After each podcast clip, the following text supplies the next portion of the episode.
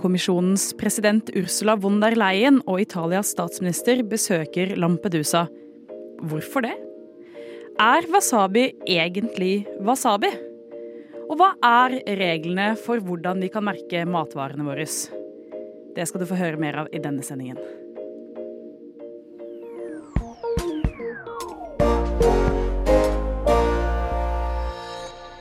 Hei, hei, og velkommen til Opplysningen her på Radio Nova. Mitt navn er Runa Årskog, og det er jeg som skal lede deg gjennom denne sendingen.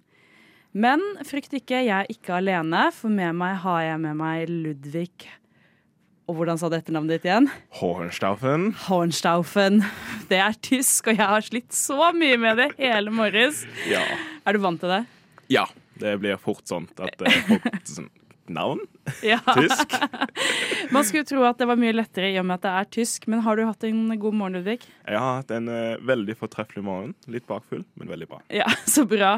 Men uh, vi er ikke helt alene. Vi har med Amalie Sundby. Ja, hei, jeg har bare gammelt norsk gårdsnavn. Ja. ja, jeg er da Runa Årskog og har bare gammelt norrønt navn i begge navnene. Tror jeg. Ja, Årskog er langt tilbake et eller annet sted. Ja. Ja. Jeg kan telle tilbake generasjoner hvor vi tok Sundby som navn. Oi, gøy! Det er min oldefar. Nei, Det er- hans foreldre. Sorry. Ja. oh, ja. Ja, dine tippolderforeldre. Der begynte Sundby. Ja. Ja, jeg er ikke helt sikker på hvor eh, Årskog startet, men eh, det er noe baki der et eller annet sted, og fra at vi har hatt gård på samme plassen hele tida. Eh, har du hatt en god morgen, Ludvig? Jo. Så vil jeg si jeg har hatt veldig bra. Jeg rakk sending. Jeg Ja. eh, rakk T-banen. Det var liksom, det var med skrik og nød, men ja. Hva med deg, Malie? Eh, ja, jeg bor jo bare rett nedi hugget her, så um, Jeg kom for seint. Det er veldig klassisk. Det er det. Alltid de som bor nærmest, kommer seinest. For de tenker at de har mye bedre tid enn Ja. det de har. Det er i hvert fall mitt inntrykk. Det er en sånn rar ting. Det er sånn, uh, Gå til skolen. Jeg bor bare sånn fem minutter vekke. Nei. Ja. Ja, du, du, du utsetter det til det siste, og sånn sånn Oi! Shit! Vi må springe. Ja. Jeg eh, kom heldigvis eh, presis, men det er jo ikke så rart når man skal lede en hel sending. Mm. Men eh, videre skal vi få høre litt musikk her på Radio Nova. Vi skal ha, høre på Three Toes, som er jeg må si en sang dere kommer til å få på hjernen, så jeg beklager til alle lytterne der ute. Men her får dere altså status. As much as it's been 20 years since apartheid, like blacks have been freed, not much is like has changed. Så her er det jo helt klart at regjeringen ikke leverer faktisk på at Norge skal bli det beste landet i verden for skeive. Chavez is the guy who finally could destroy Venezuela. Opplysningen hver fredag mellom klokken 10 og 11 på Radio Nova. Det stemmer, du lytter til Opplysningen her på Radio Nova. Eh, Jeg har et lite spørsmål til deg, Amalie. Ja. Har du hørt om Lampedusa?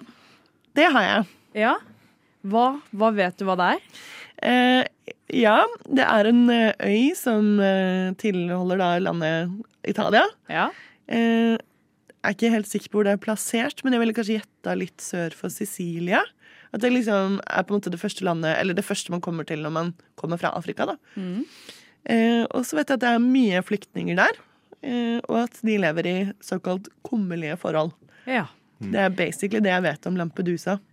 Det syns jeg var veldig mye å vite om Lampedusa. Ja. For det visste ikke jeg før eh, Ludvig her opplyste meg hva Lampedusa var, og hva som skjer der. Ja. Stemmer det det Amalie sier?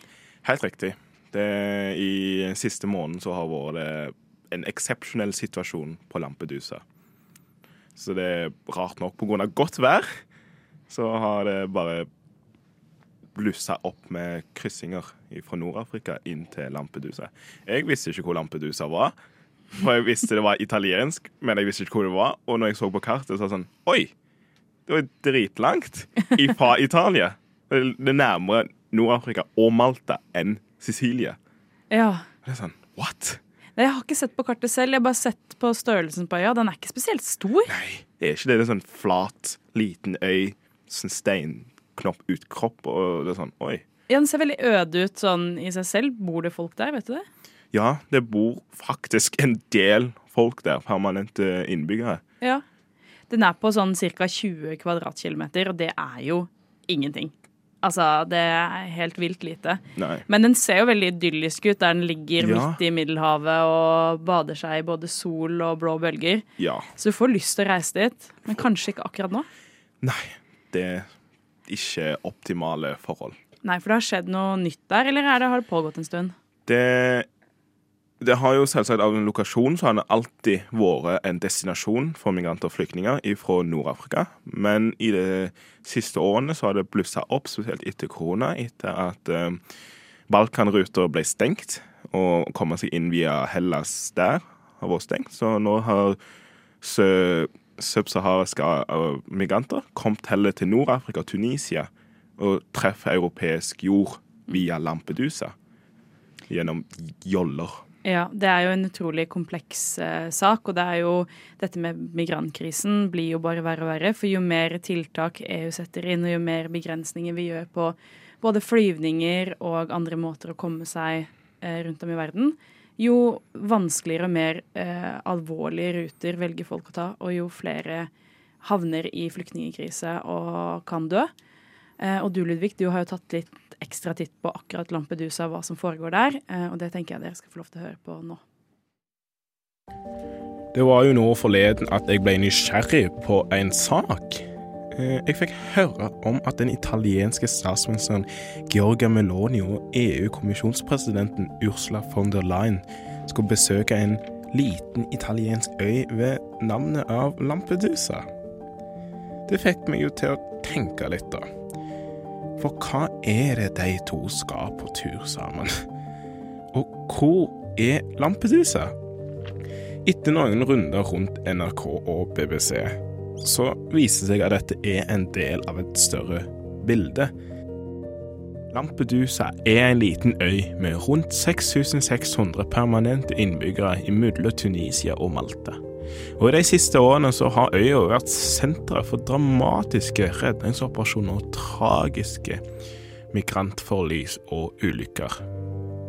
Av øyas lokasjon i forhold til Tunisia, som er så nærme som han er, så er dette en rute menneskesmuglerne sender migranter ut på såkalte båter, som er så vidt sjødyktige og er fullt overkapasitet.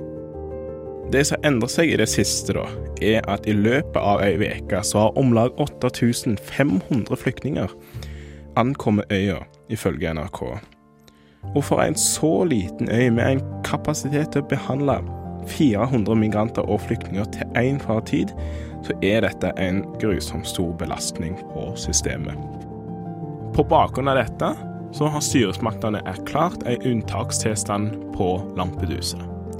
Øya som vanligvis har 6600 innbyggere, har nesten fordobla befolkninga si. Flere tusen migranter og flyktninger ankom øya via sjøveien fra Nord-Afrika og Tunisia. Da kommisjonspresidenten von der Leyen og italienske statsministeren Meloni besøkte Lampedusa for to uker siden, så ble det møtt av lokale demonstranter som uttrykte sin frustrasjon om situasjonen.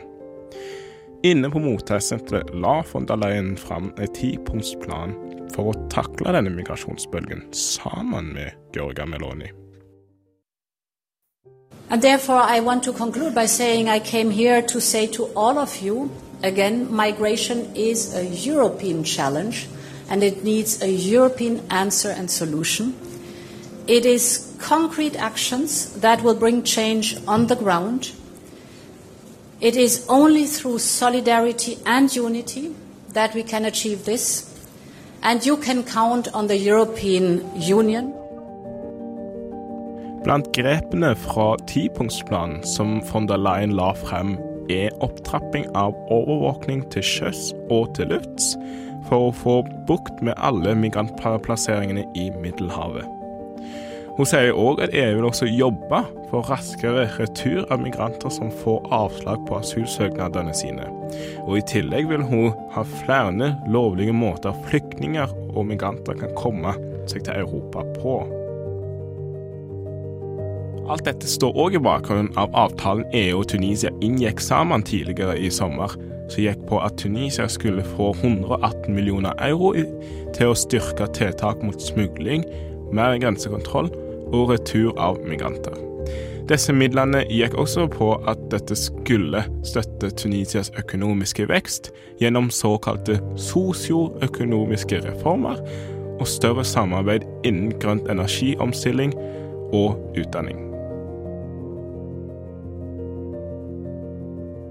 Mens alt dette pågår, så er det jo migranter og flyktninger som sitter og venter i et trangt og vanskelig mottakssenter på Lampedusa, som venter på sin mulighet til å komme seg ut av øya.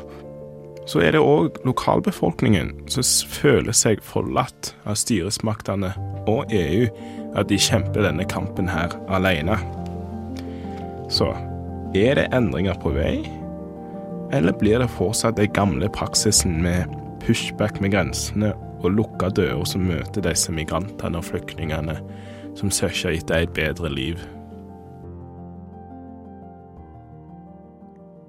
Reporter i denne saken var Ludvig Horsenstaufen. Lydklippene du hørte var fra Reuters. Nå skal du få litt rolig rapp her på Radio Nova. Dette er Ben og Reggis. Når vi spør dem om de virkelig ikke vil ha tariffavtalen, så sier de jo jo, vi vil jo ha den, for den er jo mye bedre enn husavtalen. Du har ingen elbil, du har ingen vindmøller, du har ingen PC og ingen mobil hvis du ikke har disse metallene. Jo, man kan snakke om penger, man kan snakke om alt det her, men i bunn og grunn så handler det her om et pågående menneskerettighetsbrudd. Det Grunnloven sier, det er, i realiteten er nesten ikke sant. Opplysningen på Radio Nova. Fra klokka 10 til 11 hver eneste fredag. Det stemmer, du hører på Opplysningen her på Radio Nova. Eh, Og nå skal vi faktisk ha to gode saker på rad som eh, tvinner seg inn i hverandre og eh, besvarer en rekke spørsmål. Eh, Men før vi kommer inn på dem, så lurer jeg på, Ludvig, om du har en favorittrett? Ja.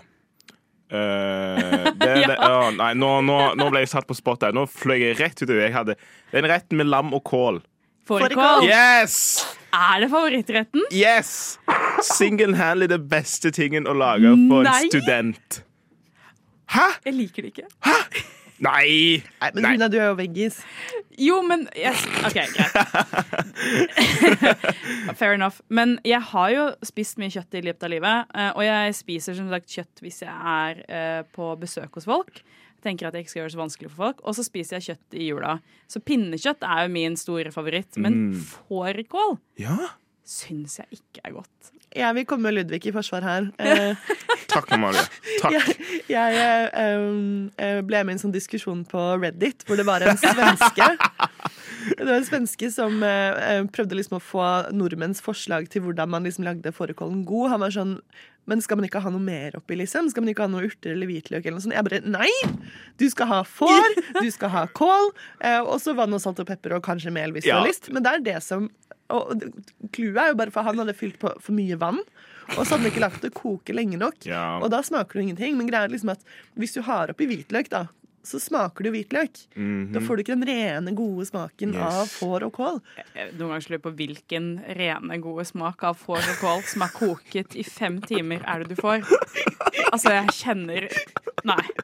Ja, jeg har, vi Nei, hadde nå, få, vi nå, hadde, nå er du sånn fårikål-hater her, altså. Dette Ja, jeg beklager, men vi hadde hvert eneste år hos bestemor så ble vi tvunget til å spise fårikål. Oh. Eh, som var liksom en årlig Nå skal vi spise høstmiddag hos besta. Eh, jeg ble ekstremt god på å spise masse, masse poteter. Men likte du ikke å liksom ha den krafta oppå potetene en gang? Altså, det er veldig lite jeg ikke liker. Så det å ikke like fårikål er liksom på et nivå med sånn Jeg spiser det, for jeg får det servert. Mm, det går ja, fint. Okay. Eh, men jeg hadde aldri valgt å lage det sjøl. Og hvis jeg får barn en gang, så kommer jo ikke de til å smake det mindre min mor går i front for å lære dem å like fårikål. Men du Amalie, da, har du en eh, favorittrett som ikke er fårikål? Ja, for jeg lurte litt på om jeg skulle si fårikål, jeg også. Men da får jeg ta min nummer to, da, som er pad thai. Som jeg syns er litt flaut pga. det matsegmentet vi hadde Ja. eh, for litt siden. Men eh, jeg er faktisk ekstremt, bortsett fra når det gjelder fårikål, Mm. eh, ekstremt lite opptatt av at mat skal være autentisk. Okay. Det er egentlig kun fårikål jeg mener skal være autentisk. Men eh, altså, Du kan godt lage det på en annen måte, men da er det ikke fårikål. Liksom. Da har du lagd Ja. en lammegryte med kål. Det er greit, det. Em, Men eh, bortsett fra det, så mener jeg liksom spis det som er digg, liksom. Eh, så pad thai, jeg står for det. Altså, Dette med hvordan man lager maten, er jo det vi skal eh, videre inn på nå. Fordi at eh, jeg for eksempel elsker sushi. Uh, syns wasabi er godt, men gud, så sterkt. Men det er veldig godt. Eh, men så har jeg funnet ut, eh, etter at Lisa har gjort litt eh, research, at wasabi er ikke nødvendigvis wasabi. Så da lurer jeg på hva er det da? Mat. Det er essensielt for alt liv på jord. Og har historisk sett stått helt sentralt for de fleste kulturer vi finner i verden. De fleste land har f.eks. en nasjonal rett, som i Norge er fårikål. Om du spør de fleste mennesker hva de har som favorittrett, så vet de gjerne det. Men det er ikke alle matvarene i butikkhyllene som utgir seg for å være det de egentlig er. La meg opplyse deg om et par av dem. Noe vi her i Oslo spiser veldig mye av, er sushi. I en undersøkelse presentert av NRK svarte 68% at i Oslo så spiser de fisk mellom én til to ganger i uka. Og ofte skyldes dette sushi. Sammen med sushi kommer en rekke tilbud. Som rå ingefær, soyasaus og wasabi. Eller er det egentlig wasabi?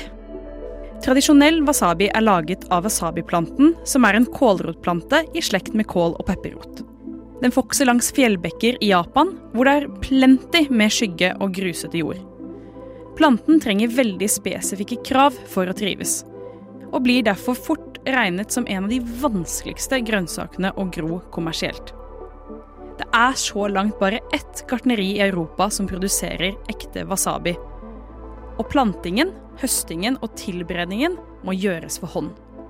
Ett kilo ferdigprodusert wasabi kan derfor koste over 3000 norske kroner. Pga. klodens store etterspørsel etter sushi er det mye større behov for planten enn hva vi klarer å produsere. Så for å kunne tilfredsstille våre wasabi- og sushibehov, uten å ruinere oss alle, blir det derfor supplert med pepperrot. Tradisjonell wasabi vil ha ganske mange biter i seg, og den vil ha en mer subtil sterkhet enn pepperroten har. Uansett er både fisk og pepperrot godt for deg, så det er bare å fortsette å gomle i seg sushien med den pepperrotske wasabien. Fra noe spicy til noe litt mer søtt. Mm, vanilje. Naturlig vanilje kommer hovedsakelig fra Madagaskar.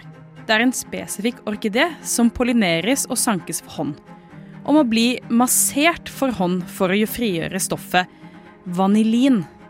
Den tørkede vaniljestangen, eller vaniljeekstrakten laget av disse stengene, selges nå som verdens nest dyreste krydder.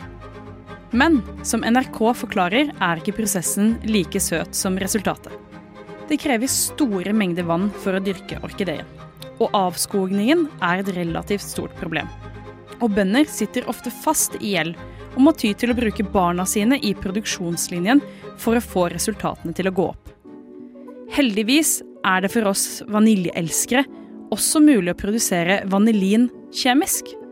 Blant annet er vaniljesukker laget på kjemisk vis. Mye av vanilin som selges internasjonalt og her i Norge, kommer fra olje. Som ikke er spesielt bra.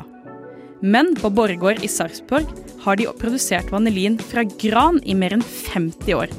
De sier at i tillegg til å være mer miljøvennlig, er det også rikere på smak og lukt enn vanillin fra olje.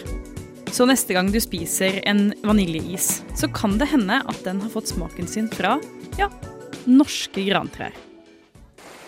Vi skal ta turen til Middelhavet, og til et mer flytende produkt. En mer ondsinnet erstatning av et ekte produkt er olivenolje. Olivenolje er, som ordet sier, produsert av oliven som man finner ved middelhavskysten. Oftest fra landene Italia, Spania eller Hellas. Oliven blir sanket mellom november og februar, og blir vasket og presset slik at oljen kan komme ut.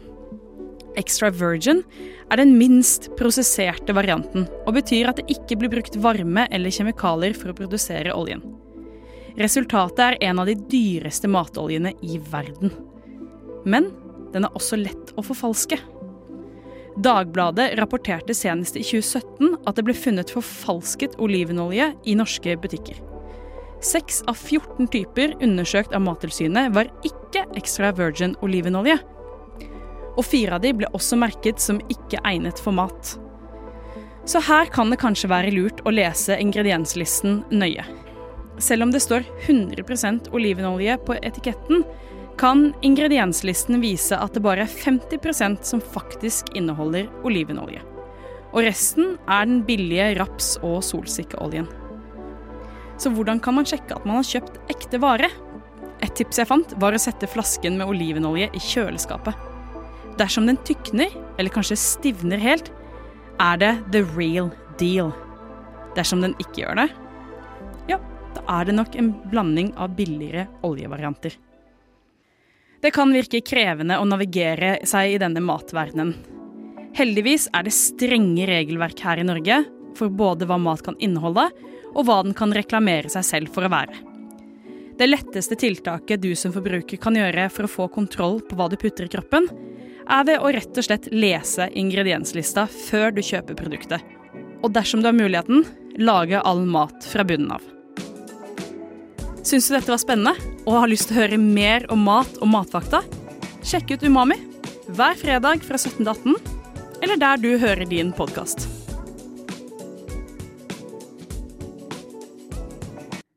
Reporter i denne saken var Lise Benus, og stemmen du hørte, var meg, Runa Årskog. I'm here solely on a humanitarian mission because you've been here all day and you've been incredibly patient and incredibly, and I feel very sorry for you because I have nothing to say about this matter except obviously. Oh, Opplysninger. Okay, go on. Okay, thank you.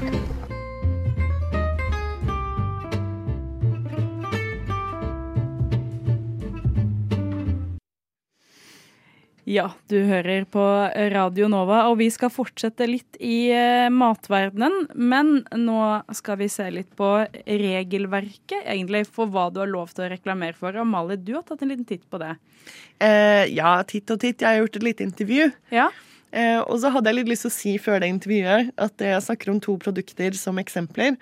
Eh, men det er på ingen måte ment som kritikk mot disse produktene eller deres kvalitet. Det er egentlig bare som eksempler for å eh, snakke om lovgivningen rundt hva som er lov å skrive på emballasje. Ja, fordi at eh, det som er, er jo at det er flere, veldig mange produkter som har eh, det enkelte mener er en misvisende beskrivelse.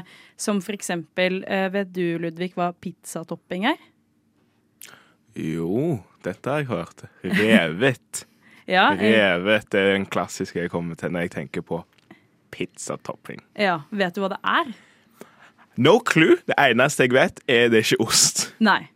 Og det er jo litt av det som er poenget, at eh, det er eh, spørsmålstegn ved liksom OK, kan man skrive er, er det greit å skrive bare revet, eller pizzatopping, eller hvordan skal man merke disse ulike matvarene? Hva tenker dere, Amalie, hva tenker du om det? Mm, jeg vet ikke helt hva man kan forvente. Jeg eh, hadde jo en periode hvor jeg gikk på lavkarbo. eh, og da blir det jo sånn sykt drevet i å se på ingredienslister og um, næringsinnhold og alt det der. Så um, hver gang jeg skal handle et nytt produkt som jeg ikke har spist før, så sjekker jeg jo de tinga. Mm. Så jeg vet liksom ikke om man skal forvente at folk gjør det eller ikke. Jeg tror mange kanskje ikke gjør det. Altså, jeg gjorde ikke det før. Eh, Det kom som et sjokk på meg at pizzatopping ikke var ost. Ja. Fordi at jeg visste ikke det. Jeg bare, det bare, bare tenkte at det er sånt som skjer i USA og ikke Norge. Men eh, det skjer visst her òg, og jeg er veldig spent på å høre dette intervjuet du har laget, Amalie. Takk. Ikke ha for høye forventninger. please. jo, det blir bra. Det blir bra. Jeg gleder meg masse. Ja. Eh, Det er Gunstein Instefjord, eh, leder for forbrukerpolitikk i Forbrukerrådet. Så lurte vi litt på det her med relasjonen mellom hva et produkt heter og hva det inneholder. Er det noen lovgivning på det feltet? Ja, det, det er det. Den er jo eh, generell, da. Og den ligger jo på mat, så ligger jo det i en felles eh, lov for alle eh, land i EU-området, inkludert EØS, som heter Matinformasjonsforordningen. Og den er jo eh, egentlig der for å, å si at eh, forbruker skal bli informert og ikke villeda. Så du skal egentlig vite hva du kjøper. Det er formålet med den lova. Er det forventa at alle forbrukere skal gå og se på ingrediensene for å være sikker på at de får det de skal ha? Veldig godt spørsmål. Eh, Vi har jo opp igjennom gjort eh, flere sånne kartlegginger, av, eh, spesielt på matområdet. Og det har jo vårt eh, utgangspunkt vår at eh, det som står på forsiden, skal stemme med det som står på baksiden. Og så er det masse informasjon på baksiden da, som du ikke finner på forsiden, men når du fremmer noen påstander på, på forsiden, så skal det være overens med det som står på baksiden. Og jeg husker jo eh, første gangen vi gjorde det i eh, en skikkelig gjennomgang, så fant vi noe som het eh, kalkunskinke. Og den var god i pris, da. Og så så vi på baksiden, så var det jo halvparten høne. Og da har du egentlig med det produktet så har du brutt to ting. For det er et sammensatt produkt som ikke bare er kalkun. Eh, altså det er både kalkun og høne, ikke bare kalkun. Eh, Men når du bruker ordet skinke, så sier du også at det, et, det skal være et helt kjøttstykke som er skåret opp. Det er ikke et sammensatt uh, kjøttprodukt. Slik at da brøt jeg egentlig to ting i, med det produktet. Det, det produktet forsvant ganske raskt etter at vi da avdekka at dette er jo tøys. Det er ikke noe galt med, med, med høne, men, eh, men, men hvis du kaller det for kalkunskinke, og du priser det som kalkun, så skal ikke det være 50% høne. Men dette er da noen år siden. Men det fikk meg til å lure på, fordi jeg oppdaga jo tidlig i 20-åra at eh, skinke er jo ofte ikke et helt kjøttstykke. Nei. Men det får jo fortsatt lov å hete skinke. Og det er jo, skinke er jo sånn eh, I vanlig språk så er jo skinke knytta til et eh, spesiell del på, på, på grisen.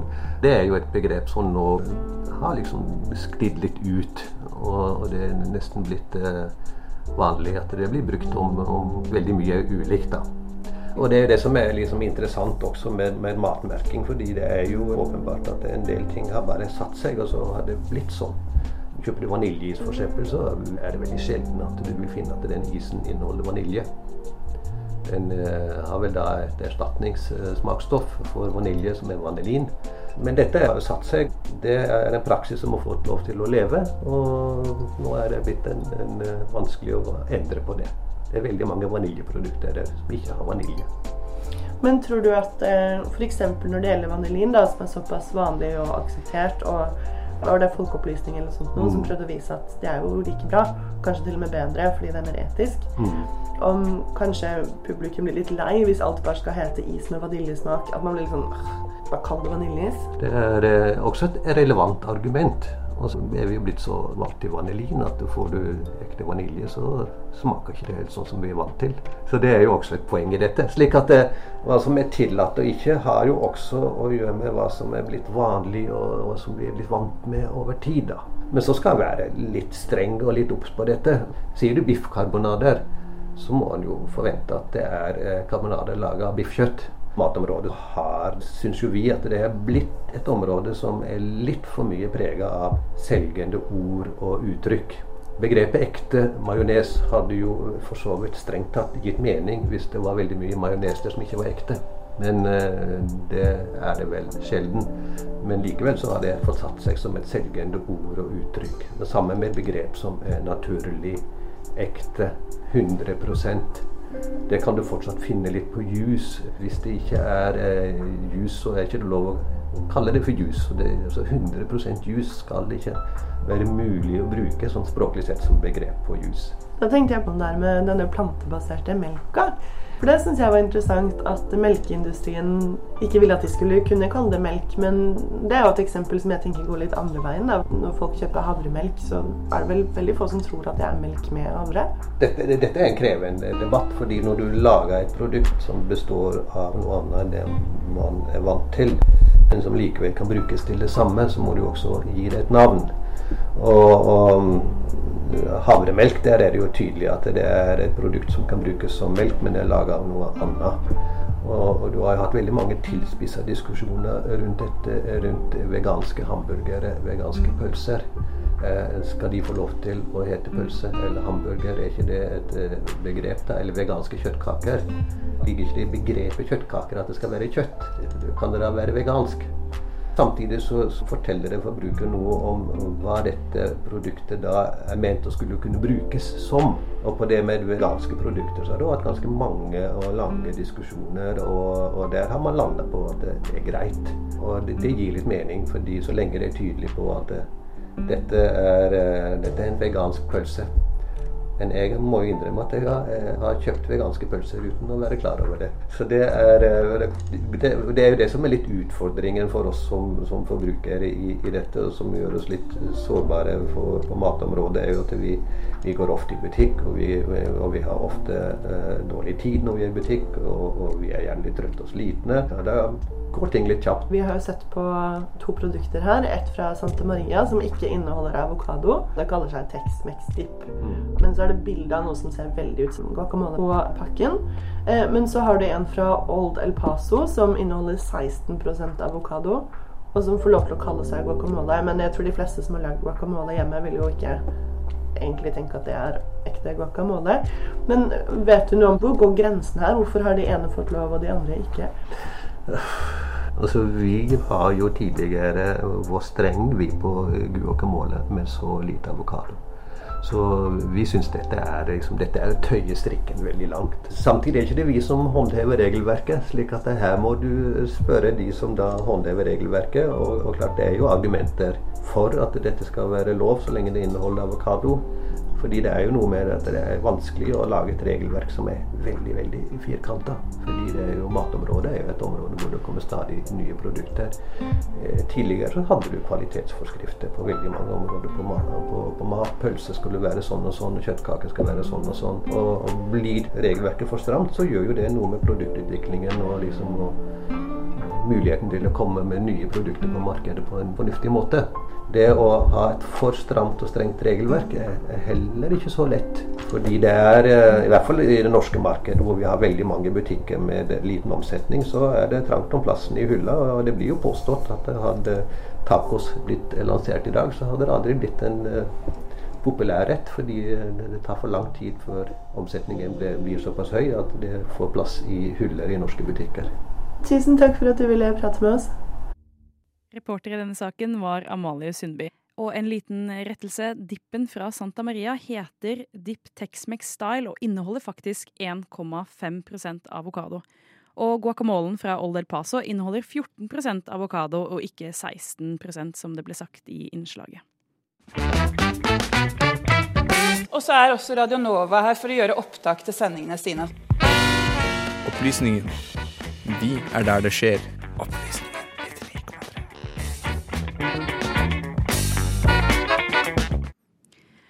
Velkommen tilbake til opplysningen. Og det er alltid litt trist og på slutten når jeg vet at det er helg og jeg må skru av mikrofonen og sende den videre til studentnyhetene. Men det er jo ikke trist for dere der hjemme, for dere får med dere masse gode nyheter om studenter om ikke så lenge. Men uh, før det så vil jeg høre, Ludvig, skal du noe gøy i helga? Ja, det skal jeg. Jeg skal på Munch-museet på, oh. i dag. Og så skal jeg det sånn DJ-sett på Munch-museet i dag, så det er veldig gøy. Så jeg skal på. Åh, oh, gøy. Amalie, hva med deg? Skal du noe gøy? Eh, nei. Jeg Eller jo, vent da. Jeg skal hjem til eh, Moss. Ja. Eh, jeg skal eh, hjelpe min eh, eh, mor med å male trappa. Å, koselig. Oi, oi, oi. Det er jo koselig med litt hjemmedugnad. Ja. Eh, jeg eh, skal jobbe. Jeg har jobbhelg, for nå har jeg, hatt eksamen lenge. Eller ja, mappeinnlevering. Ja. Eh, så akkurat mens vi sitter nå og koser oss med radio, så har jeg eksamen. Oi! Men uh, ingen fare, den er allerede levert. Oh, fantastisk, da. Ja, God følelse. Ja, det er veldig deilig.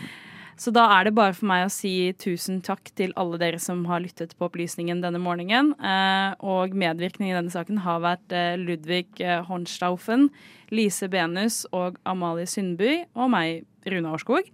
Og med meg i studio så har jeg hatt med Ludvig og Amalie.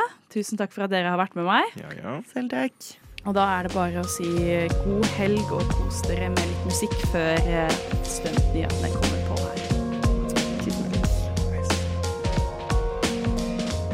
Du har hørt på en podkast fra Radio Nova. Finn flere podkaster på din foretrukne podkastavspiller eller radionova.no.